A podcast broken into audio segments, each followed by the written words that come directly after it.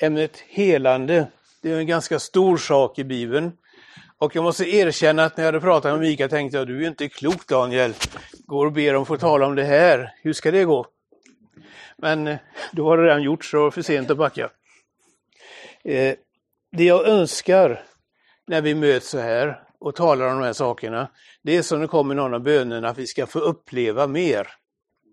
Eh, jag önskar alltså att vi inte sitter där som någon slags teoriundervisning bara och så händer inget, utan att vi får uppleva att Gud verkar.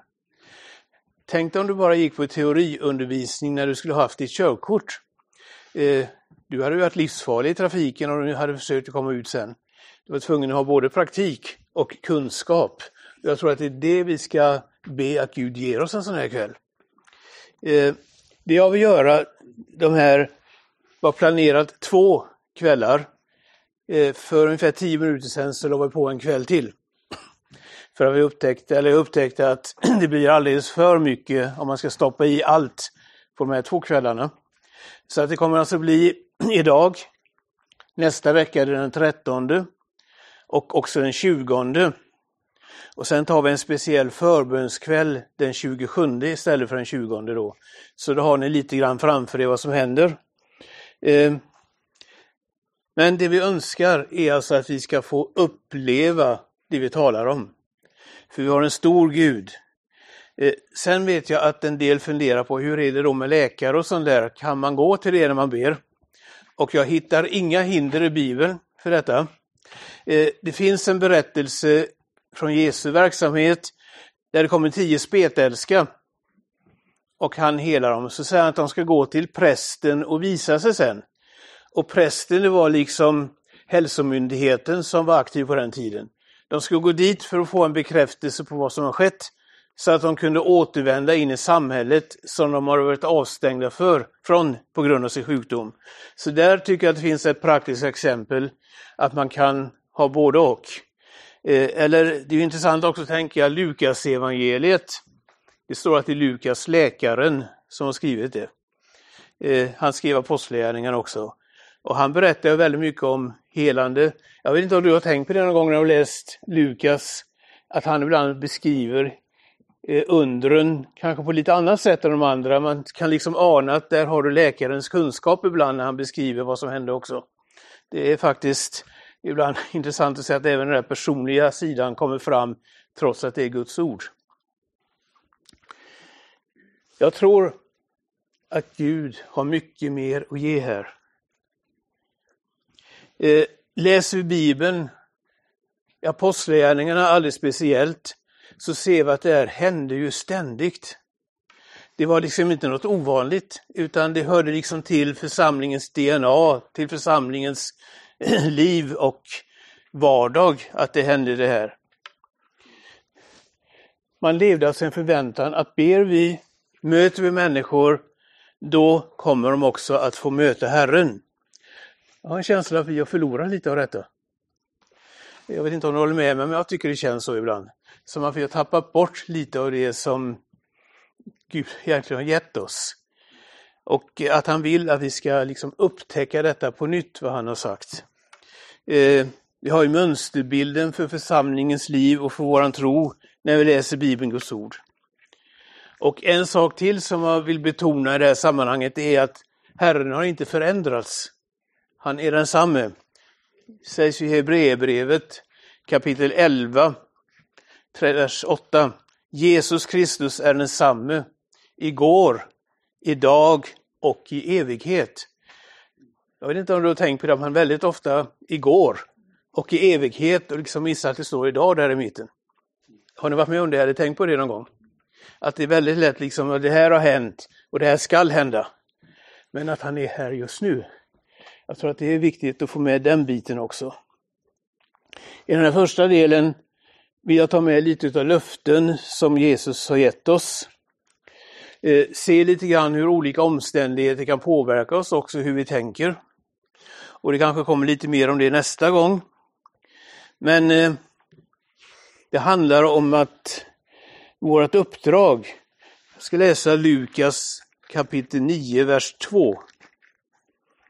Där det handlar om att lärjungarna blev utsända och jag ser det som en kallelse till oss också. Kapitel 9, vers 2. Han sände ut dem att predika Guds rike och bota sjuka. Det var alltså uppdraget de fick. Förkunna Guds rike och bota de sjuka. Det här handlar om att Jesus kom in i våran värld. Och att den här förkunnelsen kommer att det finns förlåtelse, det finns seger över synden. Eh, mitt i en mörk värld så finns det ett rike som är evigt. Och det här får jag med att förkunna. Det handlar om att så människor blir förvandlade, börjar tillhöra Gud. Och så kom det också, och botar de sjuka. Jag ser alltså att det här förkunnelsen, Guds rike och helandet, de är väldigt nära förbundna med varandra. Eh, det här med Guds rike, det får vi ta en annan gång för det är också ett stort ämne, men jag tror vi får spara det till en annan gång för annars så klarar vi det inte på tre kvällar heller här.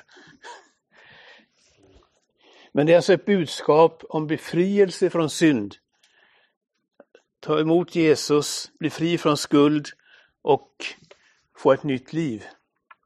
Och ibland så börjar helandet redan där, att du får ett nytt liv.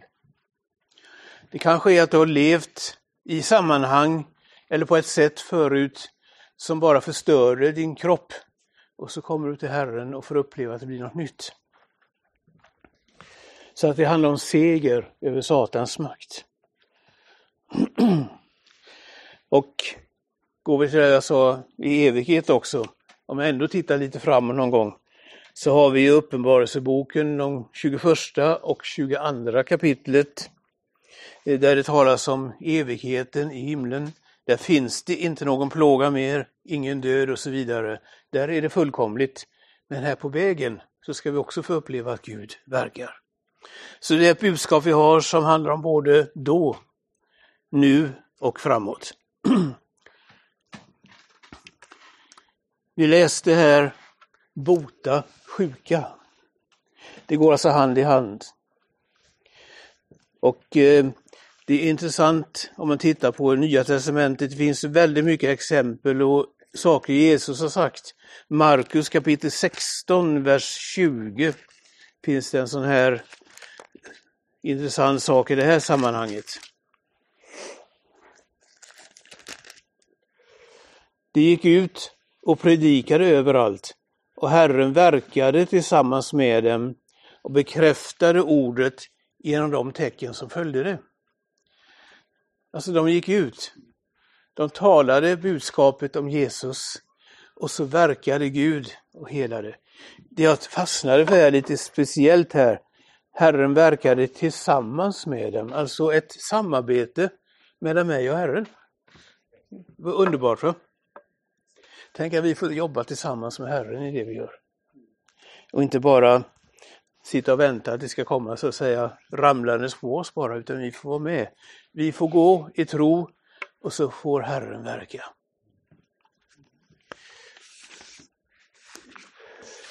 Och det där tycker jag visar hur viktigt det är att våga gå i tro. Eh, jag känner en evangelist i Tyskland som reser runt mycket på olika, i olika städer och har kampanjer. Och han har en alldeles speciell gåva för att verkligen be med människor. När vi bodde i Vinsen, det var många år sedan, men ni som var med och bad på den tiden kanske kommer ihåg att vi var där. Då hade vi honom som gäst eh, i en evangelisationskampanj som gick ungefär under tio dagar tror jag det var. Jag stod med 20 nyfrälsta människor efter de två, eh, tio dagarna. Eh, det var ju inte bara hans förtjänst, men han hade en speciell gåva att nå fram till människor. Men han berättade en intressant sak han var med om. Han var i någon av de större städerna, vilken kommer jag inte ihåg, och hade friluftsmöte på ett stort torg tillsammans med andra. Och när han står där och förkunnar om att Jesus kan förvandla ett liv, då kommer en ung kille fram, ställer sig mitt framför honom och frågar, tror du på det som du talar om? Alltså ganska utmanande, eller hur? Han står där och predikar och så kommer han fram. Tror du på det som du säger? Och Eckhard, han säger ja, det gör jag. Då öppnar killen sin skjorta och det fanns några fruktansvärda utslag som man kunde se. Och så säger han, tror du att Gud kan göra något åt det här? Ja, sa Eckhard. Ja, då ska du få göra det nu, så var utmaningen. Och den här Eckhard, han ber för killen och framför alla de som står där och lyssnar så försvinner de här utslagen. Alltså de var så fruktansvärda och han fick reda på senare att inte ens läkare hade fått bukt med det där. Men där på ett ögonblick, på ett torg mitt i en storstad, alltså inte ens i kyrkan där alla ber och prisar Herren, utan mitt ute i stan, så hände detta. Han antog alltså utmaningen och sa, jag ber för dig. Jag tror vi kan vara vissa om att Gud vill hela människor. Eh, I Gamla Testamentet, så, där det står i våra översättningar Herren, så är det egentligen massa olika namn på Gud som finns där i grundtexten. Jag tycker det är jättesynd att de inte har översatt dem. För att det är många begrepp som beskriver vem Gud är, hur Gud är. Och just i det här sammanhanget så är ett av namnen är Javerafa. Alltså Herren som helare, Herren är min läkare. Det är ett av Guds namn. Och jag tänker att har han det namnet så kan det ju inte vara det att han inte har avsett att han vill hela människor också.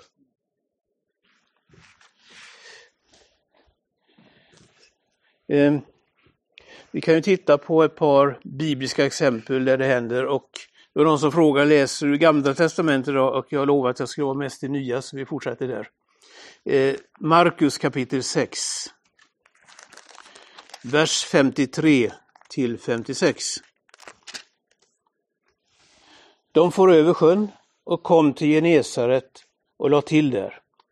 Så snart de steg ur båten kände man igen Jesus och folk skyndade ut i hela den trakten och förde de sjuka på bårar till den plats där de hörde att han var. Överallt han gick in, i byar, städer och gårdar, la man de sjuka på öppna platser och bad att de åtminstone skulle få röra vid hörntofsen på hans mantel och alla som rörde vid honom blev friska. Det där står i min bibel och jag tror att det är Guds ord. Det hände när Jesus kom. Och Tänk att det var en förväntan ibland människorna att det här skulle ske också. Jag tror att de har gått ut där och burit dem på bårar och gjort sådär mödan om de inte hade trott att det skulle hända något. Jag tror inte det. Eller att de hade rört för den där hörntofsen om de inte hade trott att det skulle gå krafter från Jesus. Det här är bara ett exempel utav otroligt många i, när det handlar om Jesu liv. Vi kan titta i Apostlagärningarna också.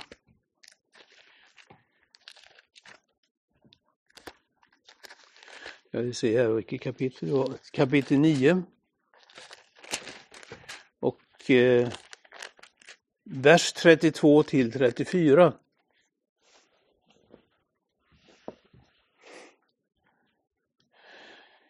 Petrus reste genom hela området och kom ner till de heliga, alltså till de troende, som bodde i Lydda.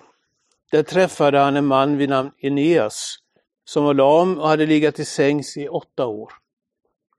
Petrus sa till honom, Eneas, Jesus Kristus botar dig. Stig upp och gör själv i ordning din bädd. Genast steg han upp och alla som bodde i Lydda och Saron såg honom och de omvände sig till Herren. Alltså också där, i den nya testamentliga församlingen, så sker detta med Guds tjänare när de går ut. Det händer att de blir helade. De, eh, och vi ser här också att de omvänder sig, alltså vi ser att även där finns det en väldigt nära förbindelse. Förkunnelsen om Jesus, helande av sjuka och människor som börjar tro. I en stad, jag tar exemplen från Tyskland med så att jag har jobbat där många år så ni får ursäkta att jag hamnar i de städerna. Det finns en, ungefär en halvtimmes eh, pendeltågresa från Stuttgart finns en stad som heter Schorndorf. En församling som eh, växte ganska snabbt och eh, pastorn som var där på den tiden, jag hörde det, han hette Ove Maureschat. Han berättade en intressant händelse från sin församling. I en gudstjänst så kommer in en man som de inte känner, han hade inte varit där förr vad han vet. Och så står de och prisar och lovar Herren. Alltså, en tysk församling har en lovsång så att ni skulle baxna om ni jämför med hur mycket vi har här. I de flesta. Eh, I alla fall, så under den tiden så upplever den här mannen att det går som en kraft genom honom. Han var inte ens frälst. Man upplevde att det går en kraft igenom honom och den sjukdom han hade, som jag inte minns vad det var, men det var något svårare i alla fall. Han blir helad, läkt och det gör ju också att han säger att det här måste jag ju ha mer utav och så tar han emot Jesus. Följden blir att söndagen efter så sitter det ungefär tiotal personer ihop med den här mannen i gudstjänsten. Det var släktingar och vänner till honom som sa vi måste se den här platsen där det här hände. Och flera av dem blev frälsta. Eh, så efter några veckor så var det ungefär 20-tal personer som hade tagit emot Jesus på grund av att den här mannen upplevde att han blev helad. Och han blev helad utan att någon bad för honom. Mitt i lovsången bara så hände detta att Guds kraft verkade. Eh, vi tar sådana här exempel så ni får lite näring för det vi vill säga. Och ibland så händer det också att Gud talar genom en människa och säger att det finns någon som har det och det problemet här. Och så händer det. Jag vet inte vad som hände här i söndags, men jag vet att Andreas från Baptistkyrkan, han uttalade ju faktiskt ett sånt här budskap i slutet av gudstjänsten om det var någon som hade, tror jag, problem med, var det höger eller vänster, jag minns inte längre. Höger, tack. Eh, och det var ju några som hörde av sig. Jag har inte fått höra sen vad som hände efter detta, men det hände i gudstjänsten, han upplevde att Gud talade. Och det var ju de som sa att vi har det här problemet. Men tänk dig att Gud är så god så att han vill verka där vi finns. Och eh, Markus 16 igen. Alltså är det bibelkväll så får vi läsa Bibeln vet ni. Markus kapitel 16 eh, och vers 17 tar vi den här gången. Och jag läser bara sista delen av den, det står alltså en mängd saker som kan följa de troende. Den sista punkten där är, de ska lägga händerna på sjuka och de ska bli friska. Alltså det hör till de här tecknen som följer trons folk. Eh, och då kanske du säger, ja ja, det låter ju bra men jag ser så lite av det. Jag vågar nästan utan att vara profet säga att det fanns några av er som tänkte så. Eh, och det är lätt att göra det. Men ta till dig de uppmuntrande orden i Guds ord som ger dig tro istället. Och så får vi gå vidare. Så får vi handla efter detta. Det är ju inte det att vi bara sitter och hoppas att någon gång händer utan vi vågar bara ta steg framåt i tro. Sen är ju frågan om vilken motivation har vi för att be för sjuka? Är det för att vi vill ha speciellt intressanta gudstjänster? Är det för att vi tycker det är så spännande att Gud verkar eller vill vi att det ska vara liksom någonting som man uppmärksammar och säger vilken underbar församling det är, där verkar ju Gud. Det är ju skönt om folk säger så. Men är det det som är motivet? Jag tror inte att det är det första motivet. Inte att vi ska bli stora och märkvärdiga. Utan vår motivation är att Jesus ska bli förhärligad och stor. Att hans makt och kärlek ska få flöda. Och när vi ser hur han verkar, när vi ser hur konsekvent den första församlingen levde i detta, då föds i alla fall i mitt inre den där längtan, Herre, gör det igen. Vi vill se mer. Det har vi ju som tema i söndagsgudstjänsterna, mer, och så kommer det lite olika ämnen. Gör det igen, Herre.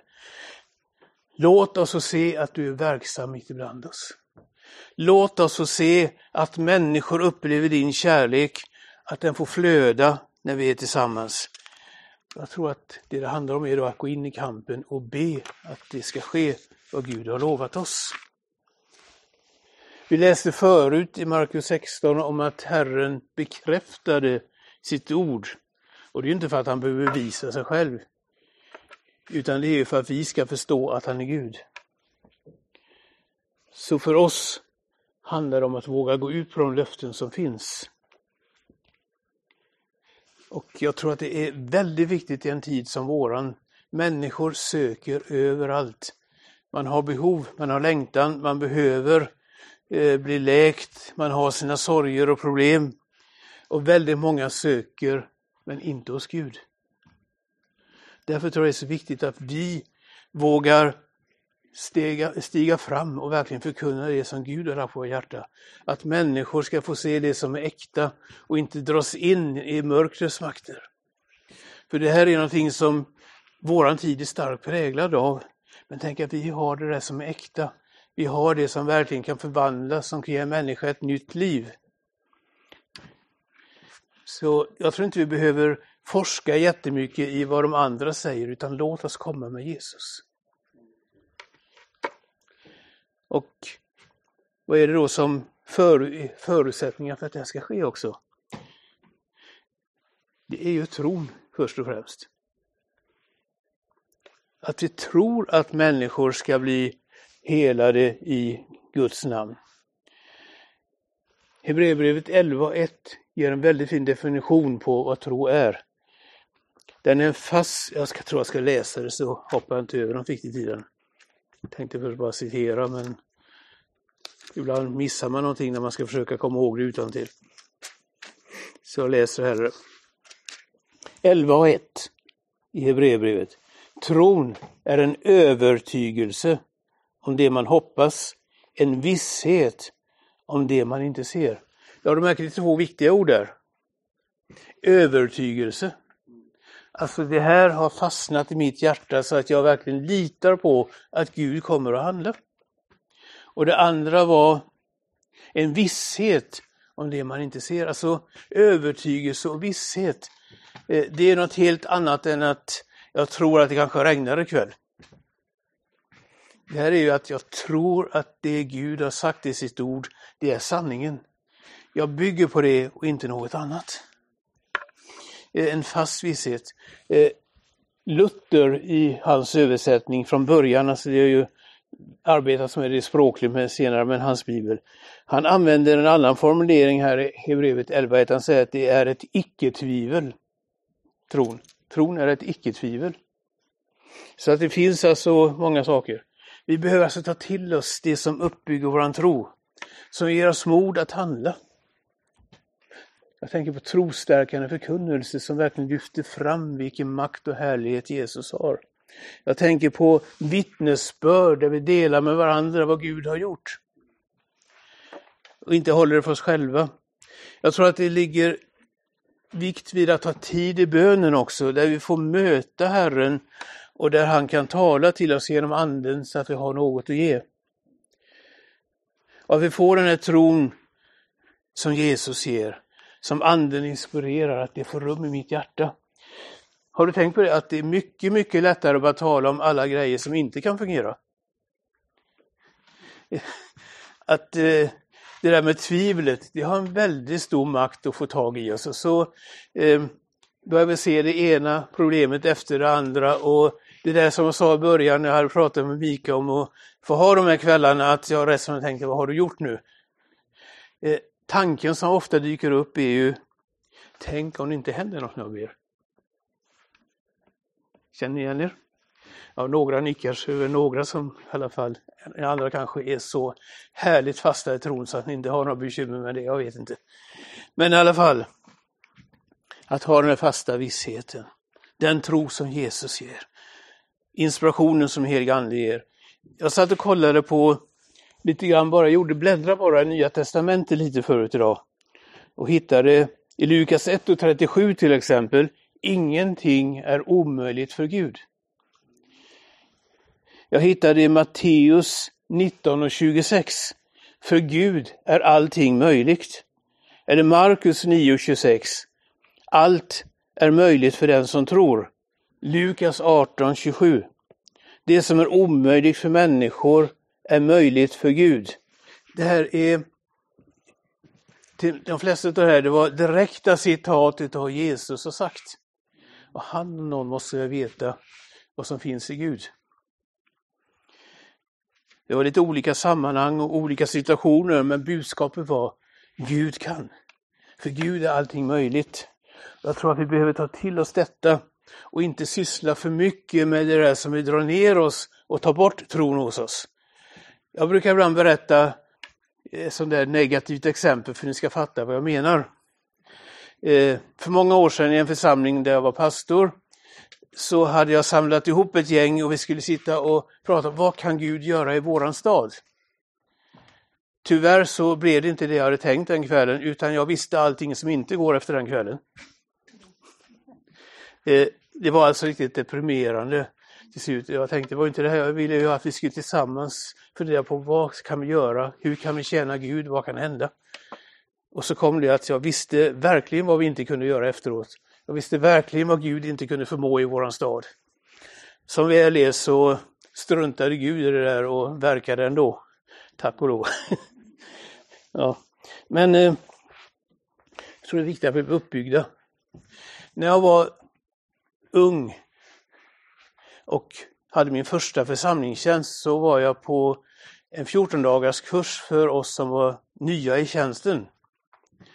Och en kväll så hade vi en indier, eller en dag menar jag, så hade vi en indiemissionär, jag vet inte om någon känner till honom för att han lever inte längre, han är i härligheten så många år tillbaka, Ture Bills hette han. Eh, han var redan då, 1970-talet var detta, då var han, var han på väg någonstans uppåt 80 tror jag. Men han berättade allt möjligt vad Gud hade gjort, som han har fått se, där människor blev helade. Och jag märkte i vår grupp, det var vi, inspirationen bara steg och steg och steg för varje lektion vi hade med honom. Och så var det så att en av grabbarna som var med hade dagen innan berättat att hans ena ben var för kort. Det här har jag berättat för om den helade förut. Så jag bara liksom nämner om det nu. Men vad vi gjorde, det är det jag ville lyfta fram. Vi lyssnar på detta, blir inspirerade av vår tro. Och sen så möttes vi fram på eftermiddagen när lektionerna för dagen var slut och så samlades bara för att be. Och sen har vi bestämt att efter kvällsmåltiden, då ska vi be för den här killen. Alltså vi hade inspirerats den här dagen. Alltså jag tror aldrig, jag kan påminna att jag upplevde en sån inspiration i tro som jag gjorde just den här dagen. Och vi har bara bett ett par minuter, så ropar han, det hände något med mitt ben. Och det växte alltså ut i det här benet som var för kort. Vi kunde se ganska direkt för att byxorna var anpassade och upplagda så det skulle stämma på benlängden. Och de stämde inte längre efter den där förbönen. Sen någon vecka efteråt så var han hos sin läkare och fick bekräftat att det här hade hänt också. Och sen var det ett par andra som var med den här kvällen som inte ens hade bett för som berättade att ja, jag blev också helad här nu ikväll. Vi byggdes upp i tro innan, det var det jag ville lyfta fram. Alltså, kanske mer än själva händelsen här. Vi tog till oss ordet, vi lät det verka i oss. Vi lyssnade på vittnesbörden om vad Gud kan och tron fanns där när vi skulle be. Jag tror inte att någon i den här gruppen den kvällen tvivlade utan vi var helt övertygade att det här kommer att ske ikväll.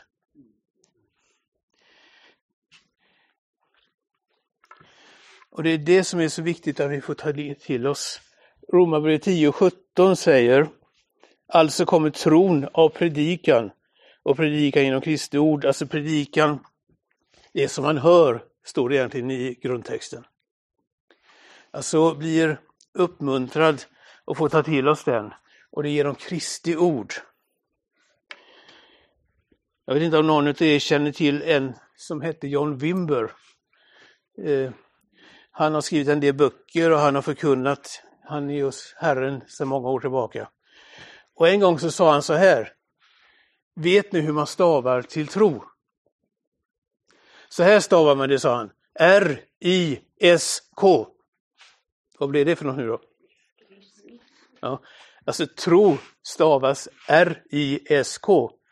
Men det vill han säga att vi måste våga ta steg ibland. Det är något utav det där som att gå på vattnet. Alltså det som inte egentligen är möjligt kan ändå ske i förtroende till honom som har gett oss sitt ord.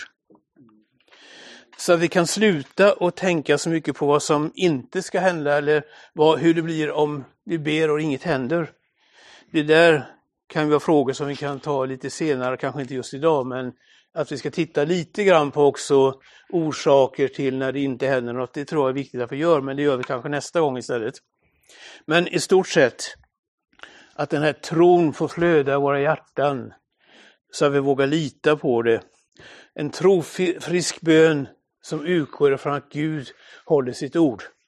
Och jag skulle till och med utmana er att säga att när ni ber för någon, stryk den där eh, kommentaren om det är din vilja. Ta bort den och låt bönen verkligen få verka. Jag kanske inte håller med er, men jag känner ibland som att det är rena eh, bromsen när vi har bett inspirerat när den satsen kommer.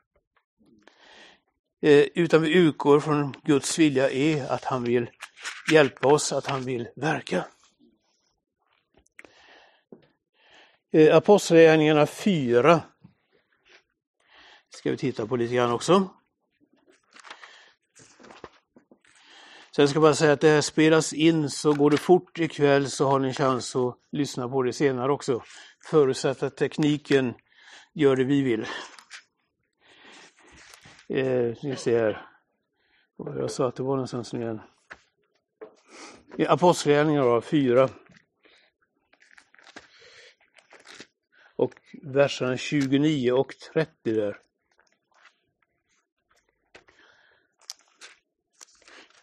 Och ibland ser det ut som att kapitlen har försvunnit när man ska hitta dem, men nu var det där. 4 och 29. Och nu Herre, se hur de hotar oss. Det var en speciell situation där man upplevde motstånd. Herre, se hur de hotar oss. Och hjälp oss så att vi kan gömma oss och inte synas bland människorna så att vi klarar oss. Var det så de bad? Nu sitter minsann någon uppmärksam här och skakar på huvudet att det där stämmer ju inte. Nej, så här bad de. Hjälp dina tjänare att frimodigt predika ditt ord genom att du räcker ut din hand för att bota och låta tecken och under ske genom den helige tjänare Jesu namn. Alltså de sa inte att vi har hört motståndet, eh, vi är rädda, och det kanske man var. Men vi vill se att Gud sträcker ut sin hand, att han verkar. Alltså jag tänker att i en tid som våran, ni vet att det är många vindar som blåser emot oss idag. Men tänk att då frimodigt få stå upp för det som Herren har gett oss. Och säga att jag ber att det ska ske. Och det var det jag visade, visa, att vi får be att det här händer. Att vi får se Kristi kärlek, hur den flödar, hur människor i nöd får hjälp. Att de i sina behov får se Guds ingripande. Jag tänker att om vi bara ber så i våran församling och det börjar hända och det kommer det att göra. Då kommer det ett rykte sprida sig här i Motala snart att går man dit så kan man få hjälp. Och jag tänker nästa bön är då begränsa den inte till oss utan låta alla dina församlingar få uppleva detta. Jag vill bara berätta också att det är ju inte bara en gudstjänst det här utan det personliga mötet. Eh, för ett par månader sedan så var det en som pratade med mig lite grann och berättade att hans far, att de misstänkte att han hade cancer och han hade svåra problem i ryggen tack vare detta. Och det planerades operation. Han berättade det för mig. Vi satt tillsammans och pratade. Och så sa han, skulle inte du kunna be för min pappa? Vi tog och bad tillsammans där. Och nu i veckan så fick jag reda på att när han kom och skulle undersökas nästa gång, då hittar de inga problem längre. Och han klarar, trots att han hade sådana problem med ryggen då, så klarar han att vara ute i trädgården och rensa löv och allting nu. nu en liten enkel bön, när man kanske inte ens nästan tänker på att Gud verkar. Man sitter där på stycken tillsammans och berättar för varandra vilka behov det finns. Och Man kan komma i de mest oväntade situationer och få be för människor. Det var inte handlar inte om sjukdom i det här fallet, men jag vill berätta ändå. Eh, ni vet ju att jag jobbar på Stadsmission som timvikarie och träffar människor som är i nöd. Och en kvinna på ett av våra boende sa till mig kvällen, har berättat lite om saker som var jobbiga för den här personen. Och så sa han, du jag hörde att du var pastor någon gång i tiden. Ja, sa det stämmer. Ja, men då kan väl du be för mig? Så fick vi ta en liten stund där vi bad för den här kvinnan. Och sen så hör hon av sig någon halvtimme senare och sa, det känns mycket bättre nu. Eh, och då sa till henne, du får gärna komma igen om det är något. Men tänk dig att det man egentligen inte väntar.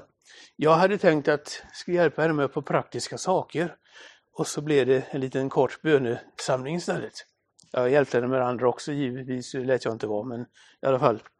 Men så där kan du få med, du kanske möter en människa som börjar berätta för dig hur det ser ut. Och så får du säga, men du, jag ber för dig. Visst sa han, eh, vad hette han nu igen som predikade här i helgen? Mikael eh, Hallenius, ja. Eh, kommer du ihåg vad han sa bland många bra grejer i baptistkyrkan i lördags kväll? Han sa att vi skulle tala, hur var det, rätt språk tror han uttryckte det. Och så sa han till exempel ska vi inte säga jag tänker på det, jag ska säga jag ber för dig. Jag tyckte det var jättebra. Och ta fasta på att jag gör så i fortsättningen. Men som vi har läst i Markus förut, så gick de ut och då bekräftade Herren sitt ord. Alltså gå i tro, våga gå på vattnet, våga ta RISK för att undertecken ska ske. Eh, helt kort, sista biten här idag. Det finns olika löften. Vi läste förut Markus 16 att tecknen ska följa de som tror. Eh, där ser jag ju det här allmänna att vi alla är delaktiga. Att det inte är någon gräns, alltså det är inga specialister som har gått fem år på ett teologisk högskola som ska be, utan det ska var en göra.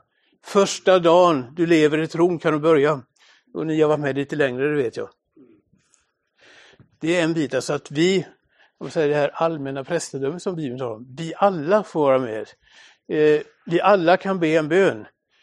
Och du behöver inte hålla på och snickra på massa snygga formuleringar utan be rätt ur hjärtat som du gör när du pratar med någon. Jag brukar alltid tänka på en gammal farbror i min hemförsamling. Eh, när han ställde sig upp i en gudstjänst och bad högt, det var det som han hade en känsla av att han hade Gud liksom alldeles intill och pratade med honom. Eh, var jättehärligt. Sen var han så ivrig så han gick ju lite hit och dit när han bad och för det mesta landade han på en annan stol än där han hade börjat. Men det, eh, hans barnbarn tror jag är ganska eh, känt. Eh, Emanuel Barkenbom, om du har om honom. Eh, eh, det var hans farfar som var på det här sättet, eller morfar var det förresten. Ja. Alltså en härlig broder och och han stämde in i predikningarna så en söndag när han inte var där så sa pastorn som förkunna, ja Elof är inte här idag så att nu får någon annan ta över. Ja, alltså en sån bön alltså, där vi pratar med Gud rätt ur hjärtat. Det handlar inte om att ha föredrag för andra som visar hur starkt vi tror, utan vi ber rätt ur hjärtat. Herre, där önskar jag att jag ska få se. Jag önskar att eh, han här blir frisk nu käre Jesus. Sen har vi andra saker där Bibeln lite delar in. Vi har bland de andliga gåvorna, där det är helandets gåvor, där människor blir utrustade på ett speciellt sätt och kanske får tjäna eh, mer med den här gåvan. Så det finns både det allmänna, det finns de som har fått en speciell utrustning att tjäna med det här. Eh, Eh, Eh, och det finns flera, flera andra saker också. Jag tror också det är viktigt att det finns en atmosfär av tro där vi ber. Eh, det berättas ju om Jesus att eh, synagogsföreståndaren Jairus, att hans dotter, hon dog ju till och med. Och där satt en massa gråterskor och andra som hånade hon, Jesus när han kom där och in till henne. Alltså här kan ju ingenting hända. Kommer du ihåg vad Jesus gjorde? Han skickade ut hela bunten och sa, jag vill inte ha er här. Och så var det bara några stycken kvar. Och det blev ju en helt annan atmosfär. All den här otron, den fick ge vika. När det handlar om tron och trosatmosfär så kan man kanske skilja också. Det finns ju det där jag vill tro. Jag är svag och det kanske inte är så lätt alltid. Jag tänker att där har Herren mycket nål med oss. Sen har vi det som hände när Jesus var i Nasaret. Där de avvisade honom, drev bort honom. Det var en otro som eh, gjorde att de ville inte tro. Och där förstår jag att Gud har svårt att verka om något sånt förekommer. Men den där kämpande tron, det är något annat, där vill han verka. Så viktigt att vi får leva i ordet, låt Kristi ord fylla era hjärtan, eller bo i era hjärtan står det ju. Alltså ta till dig det. Låt detta verka. Och nu slutar jag för ikväll så vi får lite tid att be också. Vi kommer att fortsätta nästa vecka. Jag gjorde på notiser förresten vad det kommer att handla om. Eh, vi kommer att ta upp lite mer praktiskt om det här med helandetjänsten. Vi kommer att ta upp beroendet av Andens smörjelse. Var vi kan tjäna, när vi kan tjäna, hur vi ska be och även lite kort om hinder. Eh, det är lite av de bitarna som ligger framför och en del kommer att skjutas längre bort också. Vi har ju planerat en förbundskväll, då alltså den 27 september. Och du säger, ska jag behöva vänta ända till dess innan jag får möta Herren, eller hur är det? Ja, just det. Vad sa jag för något? Ja, bra att ni hör på så ni vet. Ja, alltså oktober. Men inte måste ni vänta ända till dess. Jag tänkte att vi ska ha en speciell kväll där vi ber lite mer intensivt då. Jag tänker att vi kan få praktisera ikväll. Är det någon av er som säger att jag vill möta Herren här, eh, jag känner att jag skulle behöva bli vidrörd av hans kraft. Jag känner att jag skulle behöva få möta honom till läkedom och hälsa. Vi vill be för det här ikväll. Och du kan få komma fram till förbön eller du kan Eh, peta på din granne som sitter jämte dig och be att den ber för dig. Du får göra vilket du vill. Men jag tror vi ska göra detta också. Vi ska inte, alltså ni behöver inte vänta ett par veckor till utan vi kan be redan ikväll så ni vet det. Jag tänker vi börja där och finns det annat att be för så tar vi det strax också. Herre, jag bara ber dig om att du verkar i vår mitt ikväll. Tack att du ser mina syskon som är här. Du vet vad som rör sig i deras hjärtan. Du vet kampen de har när de önskar att kunna tro mera och det känns motigt. Men tack att du vill möta på nytt. Tack att du vill utrusta oss till tjänst för dig. Och jag ber för den som inte mår bra ikväll, att den ska få ett vidrörande av din mäktiga hand. Tack att vi ska få se under i våra mitt, Herre. Tack att vi ska få se att du verkar. Halleluja Jesus. Tack Jesus. Och är det någon som vill ha förbön så antingen kommer du fram, du kan göra tecken eller som sagt